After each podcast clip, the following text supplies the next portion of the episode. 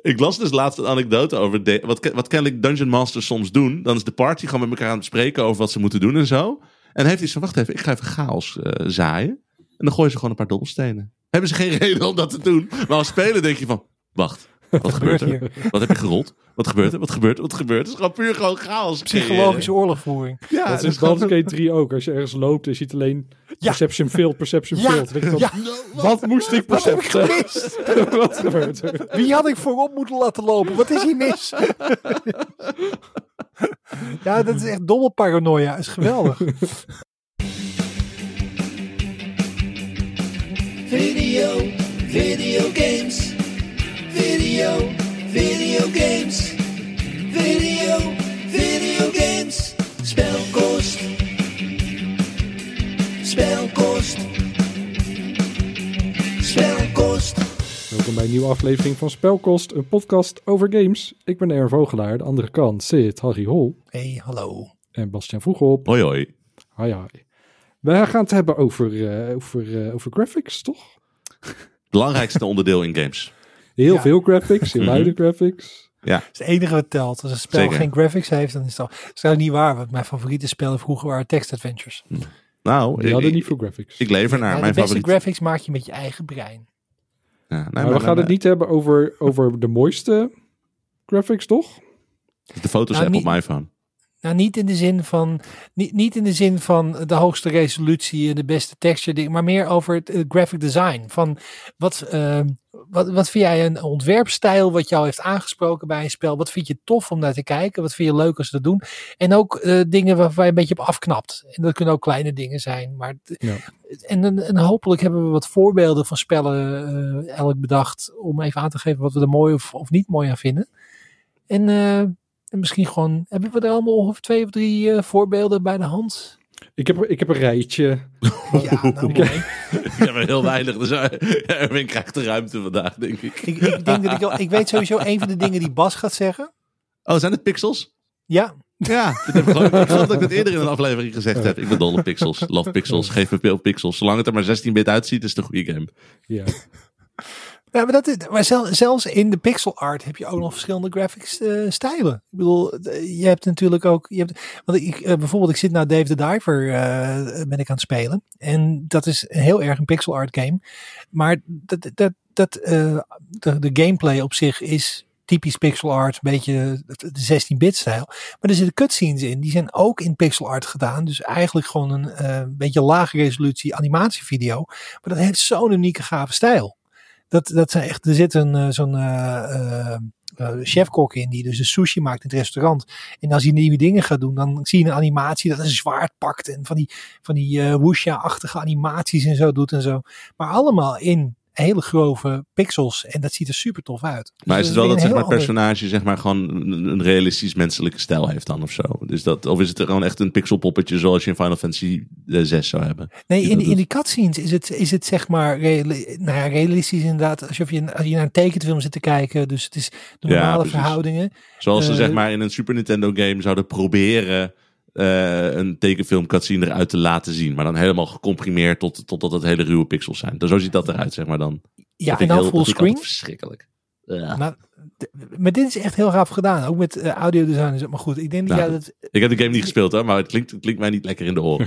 Het is een beetje zoals eh, de- je, je had in The Lion King op de Sega Mega Drive had je altijd van die hele korte animatieshots uit de film om het dan zeg maar van hoe kijk wel hoe we zijn de licentiegame. Dat zag er al een beetje vies uit of zo, een beetje snoezelig. Weet je zo'n JPEG die 80 keer achter elkaar opnieuw opgeslagen is door iemand anders en dan weer geüpload en dan weer gedownload door iemand anders, et cetera, et cetera. Dat is, Maar dat is, niet dat is dit niet, hè? Dit is echt heel schoon juist. Ja, ik moet, het even erg- zien. ik moet het een keer zien, denk ik. Je moet het, ik denk als je het ziet, denk ik niet dat je dit lelijk vindt. Want het is gewoon objectief gewoon niet lelijk. Het is namelijk heel mooi vormgegeven. Maar ik wou alleen maar zeggen, het is, het, is, het is een ander soort pixel art dan een Final Fantasy 16 game waar je tiles en zo ziet. Het is meer, eh, ja, het, het is een hele, maar goed. Nee, maar goed, maar, maar mijn pixels, om inderdaad om het, om het punt af te maken, het, het gaat mij zeg maar laatst, naast de stijl ook een beetje om de nostalgie die ik moet loswerken, dat ik een beetje de 16-bit vibe Hmm. eh, ervan terugkrijg.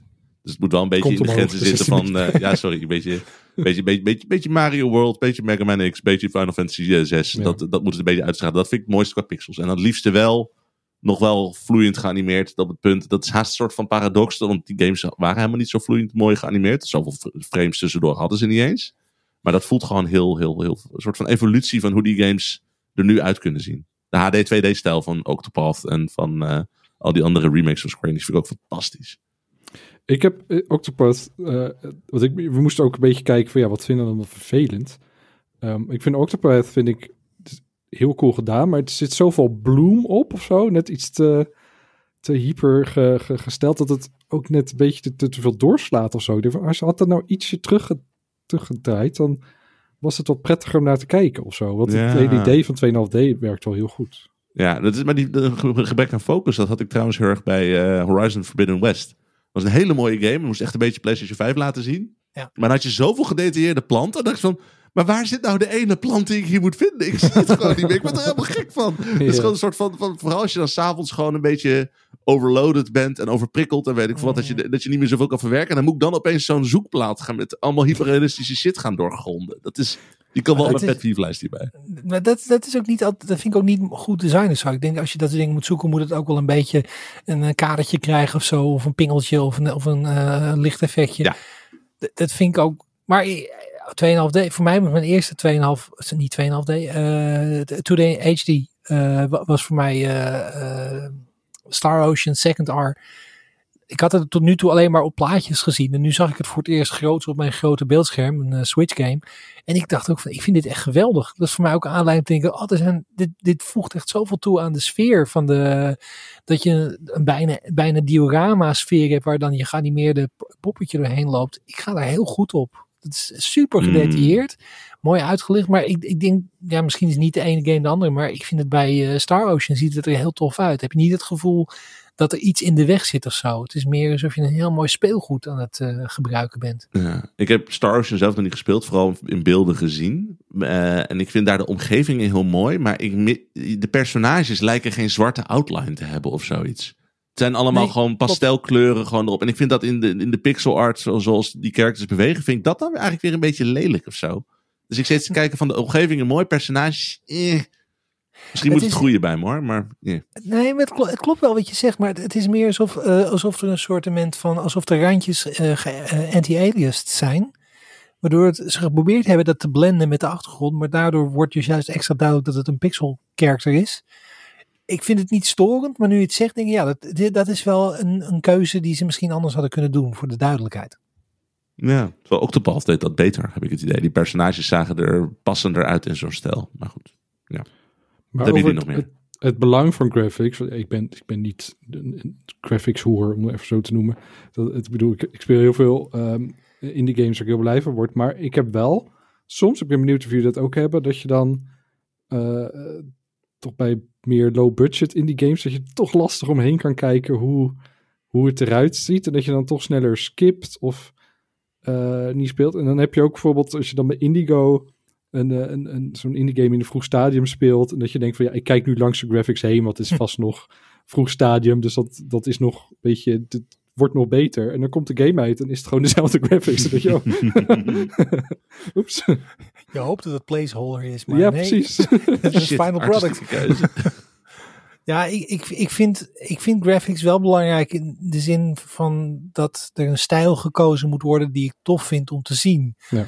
Het gaat me er niet om dat het de allerbeste hoogste resolutie heeft. Liever niet zelfs. Ik heb liever dat. dat ik, een voorbeeld, ik vind het tof als een game gebruik maakt van texturen die het gevoel van materiaal geven. Dat, dat, dat het aan te raken is. Bijvoorbeeld de Nintendo games, die 3D Mario games. Dat, je ziet allemaal van die vachtjes of van die kleine pluisjes. Dat gevoel van er is iets. Een beetje alsof je naar Muppets aan het kijken bent. Het is allemaal, dat vind ik heel mooi, maar het is heel subtiel. Oh, daarop sommige- aansluitend, wat bij mij echt heel erg altijd goed, het heel goed doet, is van die individuele grassprieten waar je dan doorheen kan lopen en dat dat dan een beetje om je heen beweegt als je personage er doorheen loopt. Krijg ik altijd zin om in zo'n grasveld te gaan zitten. Dat is echt wel, Maar- oeh, dan, weet- dan, dan heeft een game alweer een punt gescoord bij mij, in geval, als ik dat zie. Maar Gras, ik, love it. maar ik heb dan, ook in VR heb je dat wel. eens, Dat je gewoon van die materialen hebt die dan heel simpel zijn, maar daardoor juist heel tastbaar en heel echt worden. Ja. En ik, ik weet niet of jullie Blue, Blue Dragon kunnen herinneren, de, de, de Mistwalker game voor de Xbox Ja. 360. Die, had, dat, die hele game was eigenlijk een 3D game waar alles van die simpele materiaal. En ik vond het stijltje zo fijn. Ik had heel het gevoel alsof het speelgoed was wat ik op kon pakken en kon aaien. En wist hoe het voelde en zo. Ter- Terwijl ik het niet leuk vind als het te gedetailleerd is. Als het te veel texturen en zo zijn. Dan denk ik van, dan, dan wordt het voor mij ook een beetje eh, te overdan of zo. Ik vind het Wat- simpel, dat vind ik heel fijn. We hadden het er laatst over, maar heb jij, eh, heb je Fantasia nou gespeeld?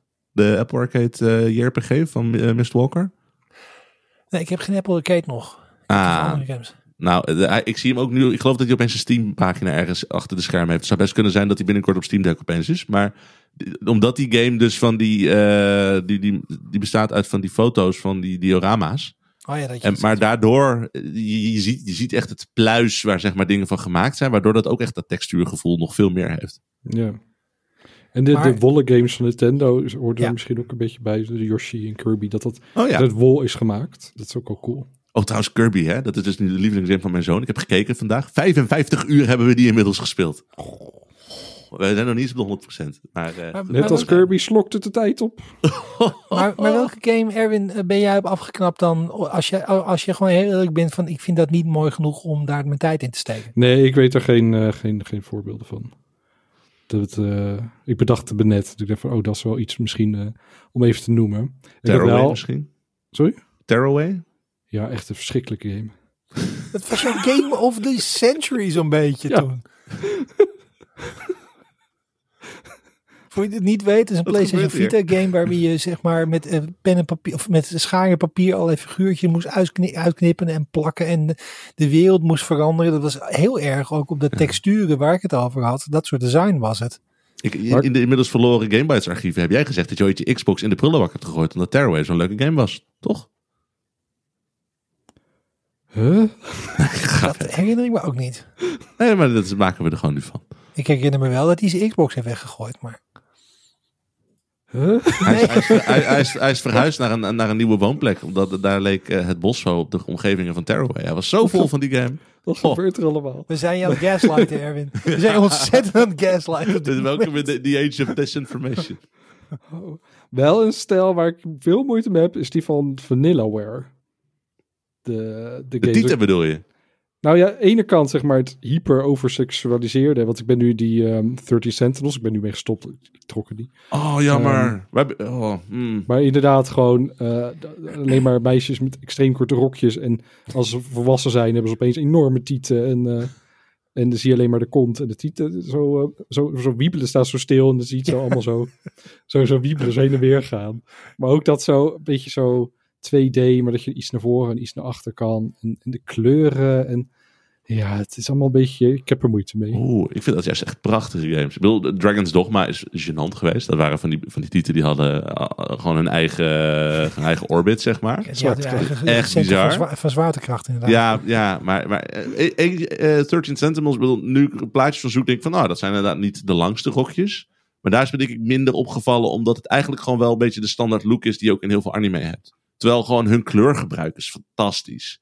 Gewoon een beetje be- be- be- spelen met van die oranje tonen en zo. En ze weten heel goed sfeer en, en, en, en eh, eh, een, een bepaald humeur in de game neer te zetten. Terwijl het medium meestal bestaat uit hele standaard kleurkeuzes. Dus ik vind, dat- ik vind dat wel hele mooie games.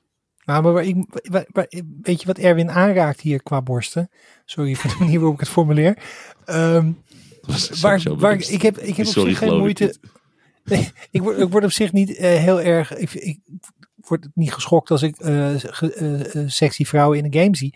Maar dit soort spellen, daar is ook de, zeg maar, de borst physics klopt gewoon niet. Ik denk Nee. van, dat, dat vind ik een afknapper. Dat, dat, dan, nee, maar de manier waarop het beweegt, dan heb je zoiets van, dit is puur en alleen, ik zit echt met mijn handen zo. Het is puur en alleen ontwikkeld om jonge jongens te, te prikkelen op een manier die gewoon ook niet eens in de buurt van de werkelijkheid komt.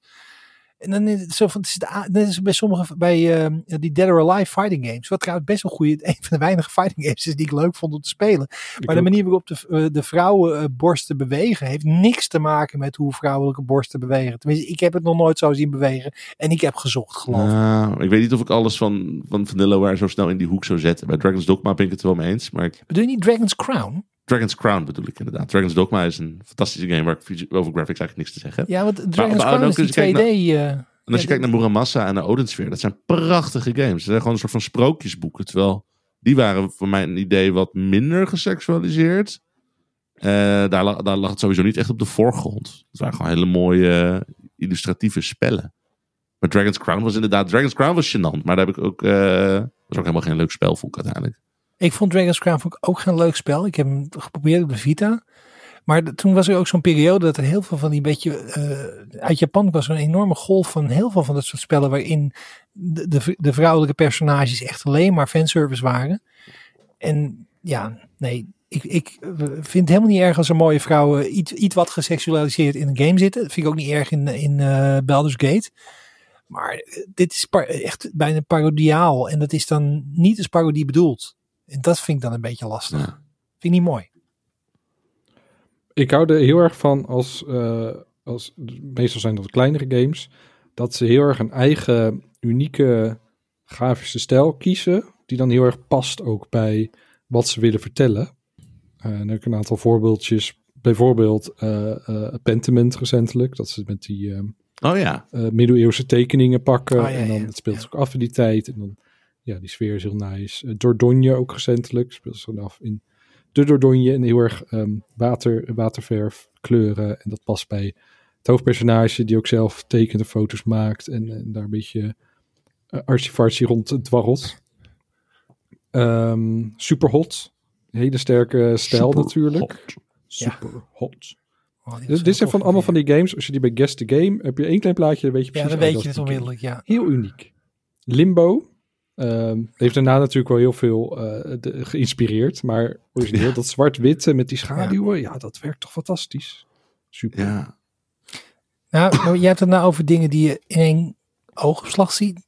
Wa- Waar ik heel erg goed op ga, is dat er met schaal gespeeld wordt. Bijvoorbeeld de, de eerste God of War en de openingsscène daarvan. Dat je die eerste, eh, zeg maar, pre- pre-baas hebt die zo gigantisch groot is. En dat het spel dan ook speelt met hoe traag dat beweegt vergeleken met jouw kleine figuurtje. En de depth of field en zo. En, en dat Ah. vind ik echt geweldig als spel te doen. En Dat is haast is- cinematografisch, zeg maar, op zo'n punt, denk ik dan, Ja. toch? Nou ja, maar het is ook je beseffen dat schaal een ding is. Dat niet alles, dat als iets echt heel groot is, dat je daar meer voor moet doen dan alleen eh, het laten zien van het, dit is groot en dit is klein. Maar dat het ook met de beweging te maken heeft, met cameravoering, met, met, met eh, welke hoeken je kiest.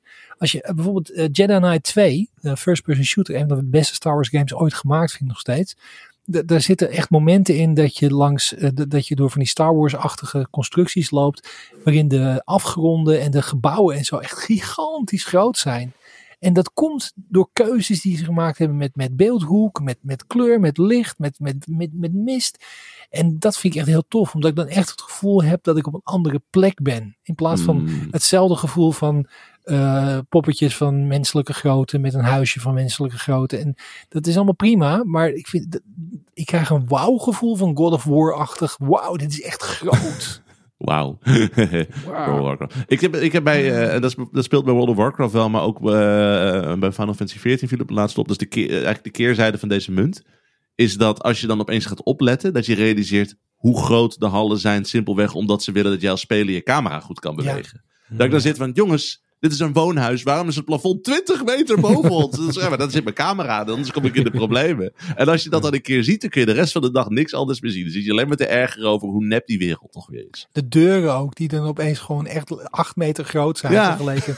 Dat klopt dan moet je met je mount, wat er een drie-laagse tank is, moet je dat natuurlijk ook nog heen kunnen passen. Dus ja, dan maken ze het zo. Maar het is, oh, als, je, dat is gewoon, als je het ziet, dan ben je gewoon de lul. En de- de dag daarna ben je het weer vergeten. Maar ja, het kan altijd weer terugkomen. Maar, d- maar, dan, maar, dan hebben ze, maar dat is dan heel praktisch, precies wat je zegt. Ja. Omdat het spel gewoon niet ontworpen is om je een gevoel van schaal te geven, maar om je een best mogelijk overzicht van de omgeving te geven. Ja. En dat is wat anders dan, dan Ja, het is God de of War. keerzijde een beetje. Het is, het is zeg Ja. maar, eh, het, komt, het hetzelfde, dezelfde kwestie op een andere manier ingestoken, zeg maar. Ja. Er zijn de, de twee redenen om dit zo aan te pakken. En bij, games kan het dat ook heel anders uitpakken. Maar bij die 2D HD games vind ik ook, dan heb ik juist het gevoel dat ik een miniatuurtje aan het spelen ben.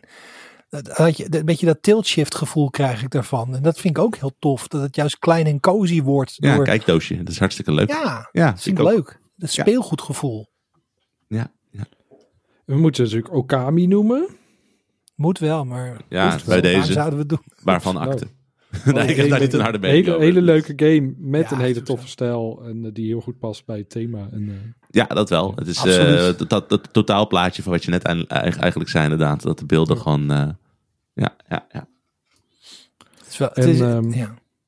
ja, de, de, de cel shaded is natuurlijk een hele bekende stijl. Ben ik niet per se dol op, behalve als het echt goed gebeurt. Want heb je natuurlijk eh, de Wind Waker, dat is wel ultieme voorbeeld. Het moet Hi-Fi inderdaad Rush passen in doet het design. ook heel goed. Want Hi-Fi Rush Ja. past denk ik niet op de manier waarop dat gaat. Alles beweegt met die stijl. Het zal denk ik niet in een andere grafische stijl werken als in deze specifieke cel shaded stijl. Nee, maar dat is Maar- inderdaad, het moet inderdaad in de stijl passen. Hi-Fi Rush Ja. voelde echt als een jaren tachtig eh, cartoon. Je hebt een game zoals Nino Kuni, dat voelde ook gewoon echt als een Ghibli film. Dus dan paste de stijl daar ook bij. Maar je hebt ook heel veel van die, die goedkopere spellen die proberen dan een beetje zo'n cartoony cel-shaded stijl te doen. Maar dan is het een soort van generiek standaard game. En dan denk ik van ja, nou, dit draagt niks bij. Ja. Nee, en, en bij, ehm, ehm, hoe heet het? Ehm, nou, je, welk spel noemde je nou net? Ehm, Nino? Waker. Harry Potter? Nee, geen idee. Okami. nee, ik ben het, ik ben het kwijt. Okami. Nee, Okami. never mind. Was het dan, wat was het argument dat je erbij wilde wilde Hi-Fi? Rush. Hi-Fi dat Rush. was het. Nee, maar Hi-Fi Rush, dat was de animatie ook. Daar zat echt van die Don Bluth-achtige...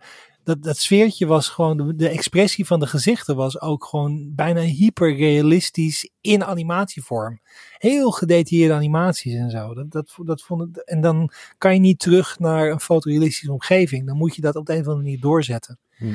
Terwijl bij Borderlands was het op een gegeven moment een beetje een heel Mary. Van de game is, hij ziet een beetje standaard en kut uit. Weet je wat? We gooien de cel shading overheen. En toen was iedereen er wild enthousiast over. Wat ik overigens wel een goede keus vond daar. Want het werd- er wel heel eigen door. Maar ik, ik heb dat nooit echt als een hele mooie game ervaren. eh, de Borderlands games. Nee. ik kan nog één game noemen. eh, Chicory A Colorful Tale. Oh ja. Dat is een, een game die is helemaal zwart-wit. En je speelt een personage met een kwast. Een magische kwast die, eh, waarmee je eigenlijk de wereld mee kan verven. En jij kleurt dan gewoon de hele game in. En dat blijft ook gewoon staan. Als jij ergens gewoon een beetje te kloten. Je gaat daarna het verhaal volgen. Het avontuur aan. En je redt de wereld. Dan kom je terug. Dan is nog steeds dat aangekloot stuk eh, kleurrijke boel die je hebt achtergelaten. Maar dat is Dat is heel leuk. leuk. Ja. Want dat wordt, de hele wereld wordt dan een beetje jouw, jouw wereld. Wordt heel eigen. En eh, dan weet je overal waar je bent geweest. En eh, wat je daar ook alweer hebt gedaan. En zo. Heel leuk. Ja. Welke, welke stijl ik ook heel fijn vind is, eh, is- ah, ik weet niet, haast niet of je het visueel kan doen, maar ik denk het wel. Dus de Lego games. Dat is inderdaad, van, het, het ziet Oh, eruit ja. als Lego, het speelt als Lego, het voelt, het is gewoon een heel mooi compleet plaatje. Ja. Maar het gaat haast meer over wat voor game het is in plaats van puur de visuele stijl. Nou, ik weet het niet. Ik vind de, de, het feit dat ze het gevoel van echte Lego hebben vertaald. Ik bedoel, de manier waarop de poppetjes eruit zien. En de, de glans en de textuur ook weer. maar dat is ze inderdaad. Vooral die, die meest recente Star Wars, die, toen hebben ze de hele Skywalker saga gedaan. Best wel wat ingezeten, maar dat, dat zat dus tegelijkertijd een soort van... Ze hadden wel, ik, ik, misschien hebben ze ook wel raytracing gebruikt, geen idee. Maar het is zo'n realistische o- laag eroverheen. Alsof er stof over je Lego poppetjes kon eh, komen. Maar het was niet alsof je Lego stof had wat dan realistisch reageerde zoals het op een mens moet zijn. Nee, het zijn gewoon poppetjes die vies zijn. En dat is gewoon, ja, dat dat vind ik mooi. Ja. Ja, maar dat, dat vind ik ook mooi. Maar dan heb je ook weer het gevoel dat er iets gemaakt is wat, wat voldoet aan een soort. Ja, het klopt gewoon. Het, het ziet zoals je wil dat het eruit ziet. Ja. Ik, vind het zelf leuk als een spel ook. Hetzelfde is een beetje met schaal. Dat, dat dingen gewicht hebben en solide zijn. En sorry dat ik de naam ga gebruiken, maar Metal Gear Solid, de eerste, die deed dat voor mij heel goed, omdat de animaties daarin en de, manier waarop personages in de wereld stonden en de, bazen en zo, dat, dat had een soortement van zwaarte of zo. Je voelde dat het ijzer was. Je, het zag eruit alsof het allemaal contact maakte op de goede manier. Er was, en het had ook de Gears of War games een beetje. Die, die, het is misschien nu cliché, maar toen die eerste Gears game uitkwam, toen was dat het gevoel van die grote zware mariniers door die grote wereld met ja, ingestorte solide tastbare gebouwen. Dat voelde allemaal, het, zat gewicht in. Ja, en Metal Gear is denk ik ook wel een, take, eh, ook een voorbeeld van, eh, dat is ook haast cinematografisch. Ehm, dat, dat spel, die eerste Metal Gear Solid, daar, dat wist zo duidelijk zijn setting neer te zetten hoe het eruit zag. Omdat eh, het was overal donker en alles was blauw. Want het was wel een beetje dat blauwe eh, ledlicht, dat gevoel wilde ze overgeven. En dat gaf het hele eiland een soort van consistentie, waardoor je ook de nacht in werd getrokken waarin dat spel plaatsvond. Waardoor het ook veel meer voelde als, oh ja, dit speelt zich echt in een korte tijdspanne uit, af. Ook al speel ik het over een paar weken uit. Het gaf echt het gevoel van, we, we zijn ergens in een, in, in een soort van tijdcapsule. En ik denk dat het gewoon, hoe dat spel visueel wordt ingevuld, daar heel veel heeft bijgedragen. Maar dat vond ik wel heel knap. Want het, en ik heb die game toen echt in een weekend gespeeld. Achter elkaar door. En dan ben je echt op dat eiland.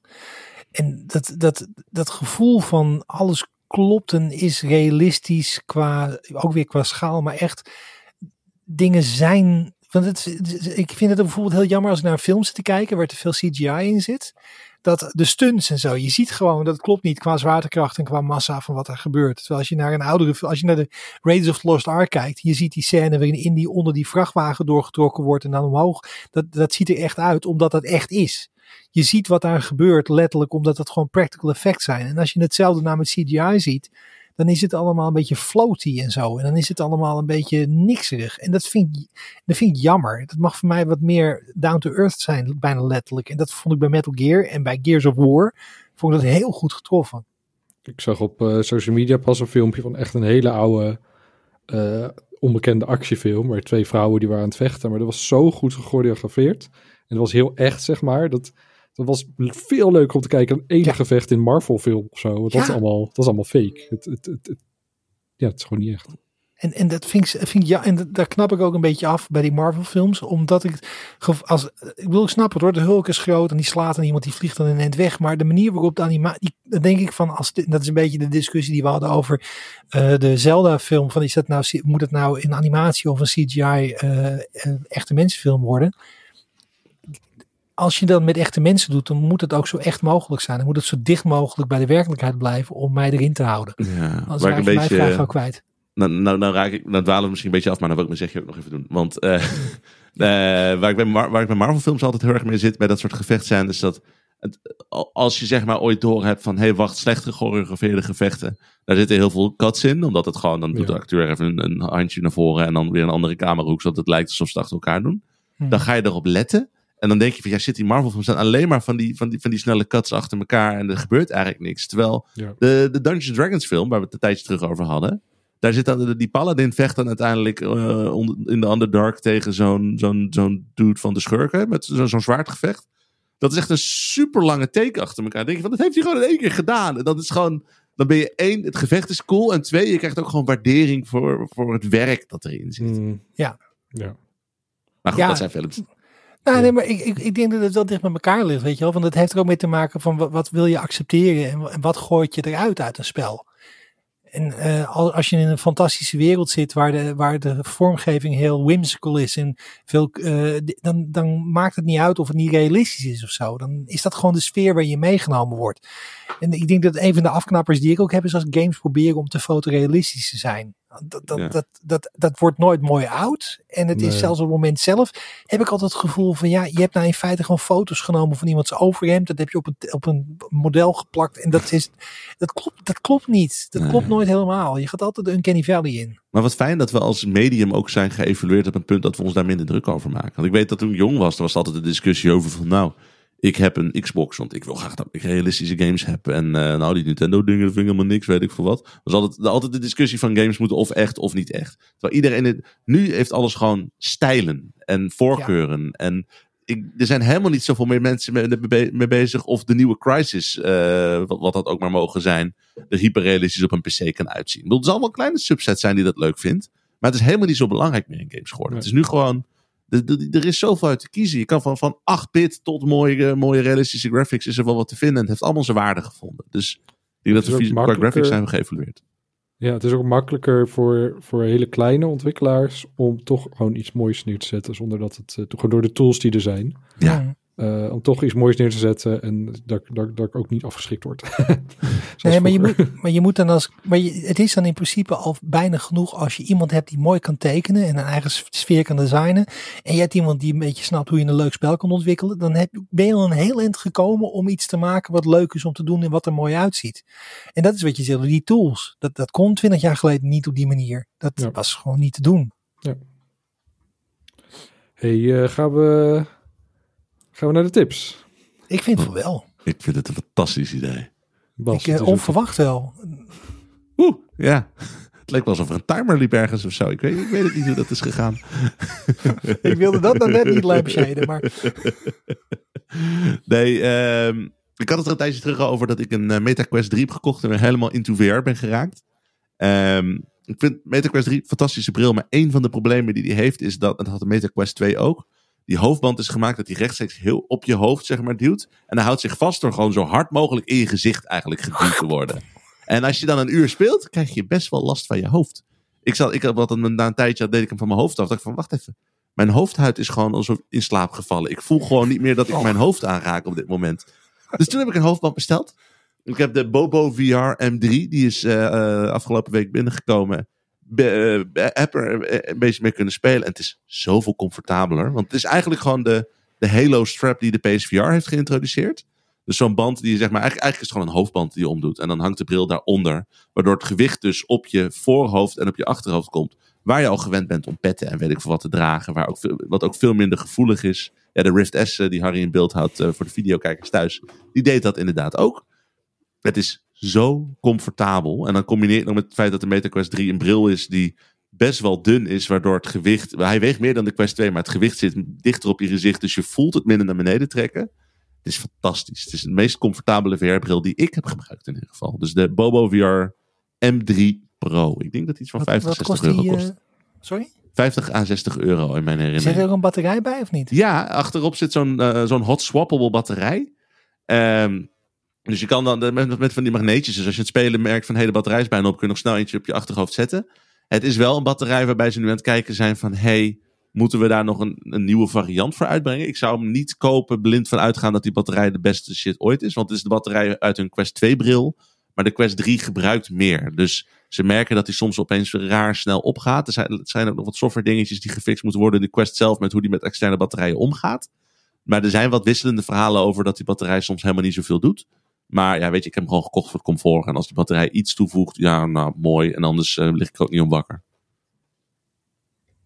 Dat is niet duur. 50 à 60 euro. Nee, als je bedenkt dat eh de Elite Strap van hem echt 100 euro of zo. Dat Ja, is, eh, en die doet feitelijk hetzelfde, maar dan comfortabeler als een, eh een stockstrap. Dat die wel echt tegen je gezicht aangeklemd wordt.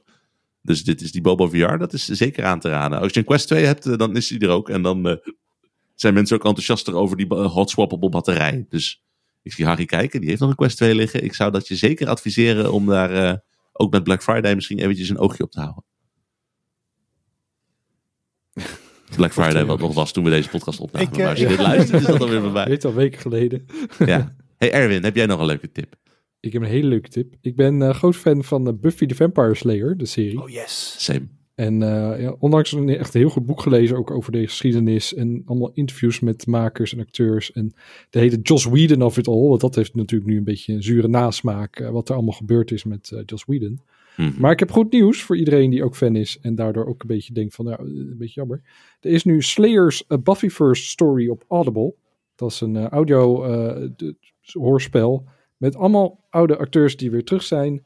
Eh, je hebt acteurs van Spike, Drusilla, eh, Cordelia, eh, Anja, Giles. Die zijn allemaal terug om een nieuw verhaal te vertellen dat zich afspeelt na de serie.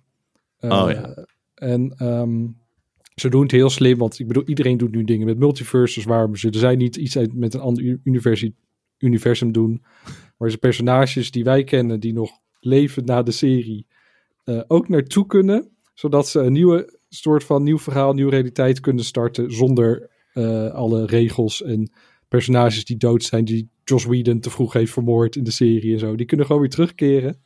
En dan kunnen ze een eigen verhaal vertellen waar Cordelia dan de Slayer is. En ehm, in plaats van Buffy. En allemaal andere dingetjes die ik niet ga verklappen. En, eh, het maar is Sarah de- Michelle Gellar zit er niet in. Die zitten niet in. Nee. Oh, dat is wel Ah. jammer. Maar het is geschreven door eh, Amber Benson. Die speelt eh, eh, Tara in de serie. Die, dat is een zo'n personage die te vroeg is vermoord door Joss Ja. Whedon. En die kan nu eens een beetje revenge nemen. En door ehm, niet alleen het, dit te schrijven en haar personage een hele nieuwe dimensie te geven. Maar ook Cordelia voorop te zetten als, als de Slayer. Het is echt heel leuk, heel vermakelijk. En staat op Audible. En ik hoop dat er nog meer verhalen komt. Dat smaakt niet meer. Eh, Slayer- oh, credits, ook weer? dus die eh, pik ik ook even op. Ja, Slayers A Buffy First Story. Leuk. Harry, wat is jouw tip? Ehm, ik wijk eventjes helemaal af. Eh, ik eh, heb een, een eh, hele praktische tip. Waar, ik ben recentelijk weer in Kerbal Space Program gedoken. Een game die ik ooit een 10 heb gegeven. Waar ik nog steeds achter sta. Een van mijn favoriete games aller tijden. Waarin je raketten bouwt en dan missies naar allerlei planeten uitvoert. Volgens de echte natuurwetten met NASA-achtige technologie. Echt, ik word er nog steeds heel blij van als ik het speel. Maar ik besloot om het weer te gaan spelen. En om het nou eens een keertje te modden. Ik doe nooit wat met mods. Ik ben, ik ben een beetje een, eh, ja, ik ben niet, ik, Je moet ik het ben een beetje gaan modderfokken. Ehm, ik doe nooit iets. Ik, ik vond altijd, probeerde altijd stok te spelen. En ik eh, met alle games. En dan denk ik van dat moet de ervaring zijn die de makers hebben gemaakt. Maar ik ga nu eens gewoon alle mods erop gooien die ik eh, kan vinden die het mooier maken. En toen ik ermee bezig was, toen draaide het helemaal in de soep. Want het werkte niet. Want ik maakte gebruik van Curse. Dat was vroeger de plek waar je mods installeerde voor van alles. En Curse is blijkbaar uit de genade gevallen van de mod scene. In ieder geval wat betreft Kerbal Space Program. Er is nu een eigen... Ze zijn met eh, modder gaan gooien. Ja, is heel veel, ja, echt modder gooien heen en weer. Maar als je de, de verkeerde mod erop gooit, dan, eh, ja, dan, dan mot hij het niet. Ehm, maar ik heb, mijn, mijn, mijn tip is dus ehm, een, een mod manager voor Kerbal Space Program die er speciaal voor gemaakt is. En die, die, die, eh, die heet CCAN. Ik weet niet of ik het zo uit moet spreken. C-K-A-N. En ik geloof dat het, eh, ja, het is, het is eigenlijk een soort packet manager zoals Linux gebruikers dat kennen. Het fijne wat dat ding doet is dat als je een mod installeert, je moet natuurlijk eerst even googlen wat voor mods je wil gebruiken, maar dan tik je hem in. En dan zoekt hij ook alle andere pakketten erbij die hij nodig heeft. Dus alle dependencies worden uitgezocht door, die, door dat ding. Dus dat is foolproof. Dus als jij er geen verstand van hebt, maar je wil wel, zoals ik gedaan heb, je wil de Outer Planets mod, dan krijg je allerlei extra planeten erbij. En je wil betere graphics. En je wil dat er wolken zijn en weersysteem en eh, een planetaire basismod. Nou, dan kan je dat allemaal intikken. En dan zoekt hij iedere keer alle andere submods erbij. En dan wordt het erin gesteld. En het is geweldig. En ik heb nou... Ja, die game ziet er nou mooier uit dan Kerbal Space Gra- Program 2 zoals het in ontwikkeling is. Met alles wat ik erop heb gegooid. En hij speelt als een tierenlier. Maar die mod manager is gewoon een gouden tip. Als jij van Kerbal houdt, can. Gewoon eventjes eh, zoeken en dan vind je hem en dan ga je daar helemaal los mee. En dan maak je die game zoveel uitgebreider. Het is bijna alsof ik gewoon een nieuwe game aan het spelen ben. See if you can. Ik geloof dat het iets voor eh compository, voor Kerbal, eh, nog wat iets. Het, het is niet, er staat wat voor de letters, ik heb geen idee. Gewoon zoeken, installeren en Kerbal spelen. Vooral Kerbal spelen. Dat is eigenlijk Stel mij vragen in de Discord als je niet eruit komt. Ik wil alleen maar over Kerbal praten. Ja. En de link naar de Discord vind je op spelkos.nl. En in de Discord vind je onder andere het formulier om in te vullen voor je Game of the Year. Want je hebt nog eh, korte tijd, denk ik, nu. eh, om dat nog in Het komt dichtbij. voor- We gaan in december gaan we sowieso eh, nemen we natuurlijk op. Dus dat is, dat is nu ongeveer eigenlijk al ongeveer. We Ja, moeten nog even een exacte datum prikken. Want ik denk dat het wel weer met wijn op locatie bij elkaar ergens is. Dus dat moeten we nog even uitpluizen. Maar dat, eh, ik zou eerder eh, te vroeg dan te laat stemmen in dit geval. Want je weet maar nooit Ja. wanneer we opeens bij elkaar zitten en het opnemen. Ja, je wil, je wil wel onderdeel zijn van het feestje natuurlijk. Oh shit, we hebben het net opgenomen. Je bent te laat. Ah, weinig ingezonde ook trouwens. Jeetje. En op eh spelkos.nl vind je ook een link naar onze Patreon als je ons wil steunen voor het maken van deze podcast eh, met een, eh, via een klein vast bedrag per maand. En dat doen we nu al. Stefano, Rob, Samuel, Chris, Dennis, eh, Erik, Roland, eh, Mark, Gerard, Wietse, Niels en Kevin. Ik begin over mijn tong te struikelen. Ik ben een beetje moe, daar ligt het aan. Maar echt, ik zat er wel bij deze lijst. Er staan echt best wel veel mensen die echt sinds dag 1 al ongeveer geabonneerd zijn. hè. Dus dat vind ik echt heel cool om te zien.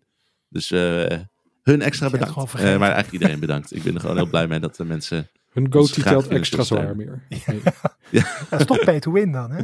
Patreon goatee. Wat doen we voor de. Patreon goatees? Dan doen we een, doen we een dansje. Nee, nou, maar nee, nee. Ik wil zeggen, ik- ik ben tot heel veel dingen bereid voor deze podcast. Maar dansen is daar niet één van. Namens Ariel was er vroeg op. Ik ben Ern Vogelaar. Heel erg bedankt. Heel erg bedankt voor het luisteren. En tot de volgende allemaal keer. Slaap lekker. Echt hè? Video, video games. Video, video games. Video, video games. Spelkost. Spelkost. Spelkost.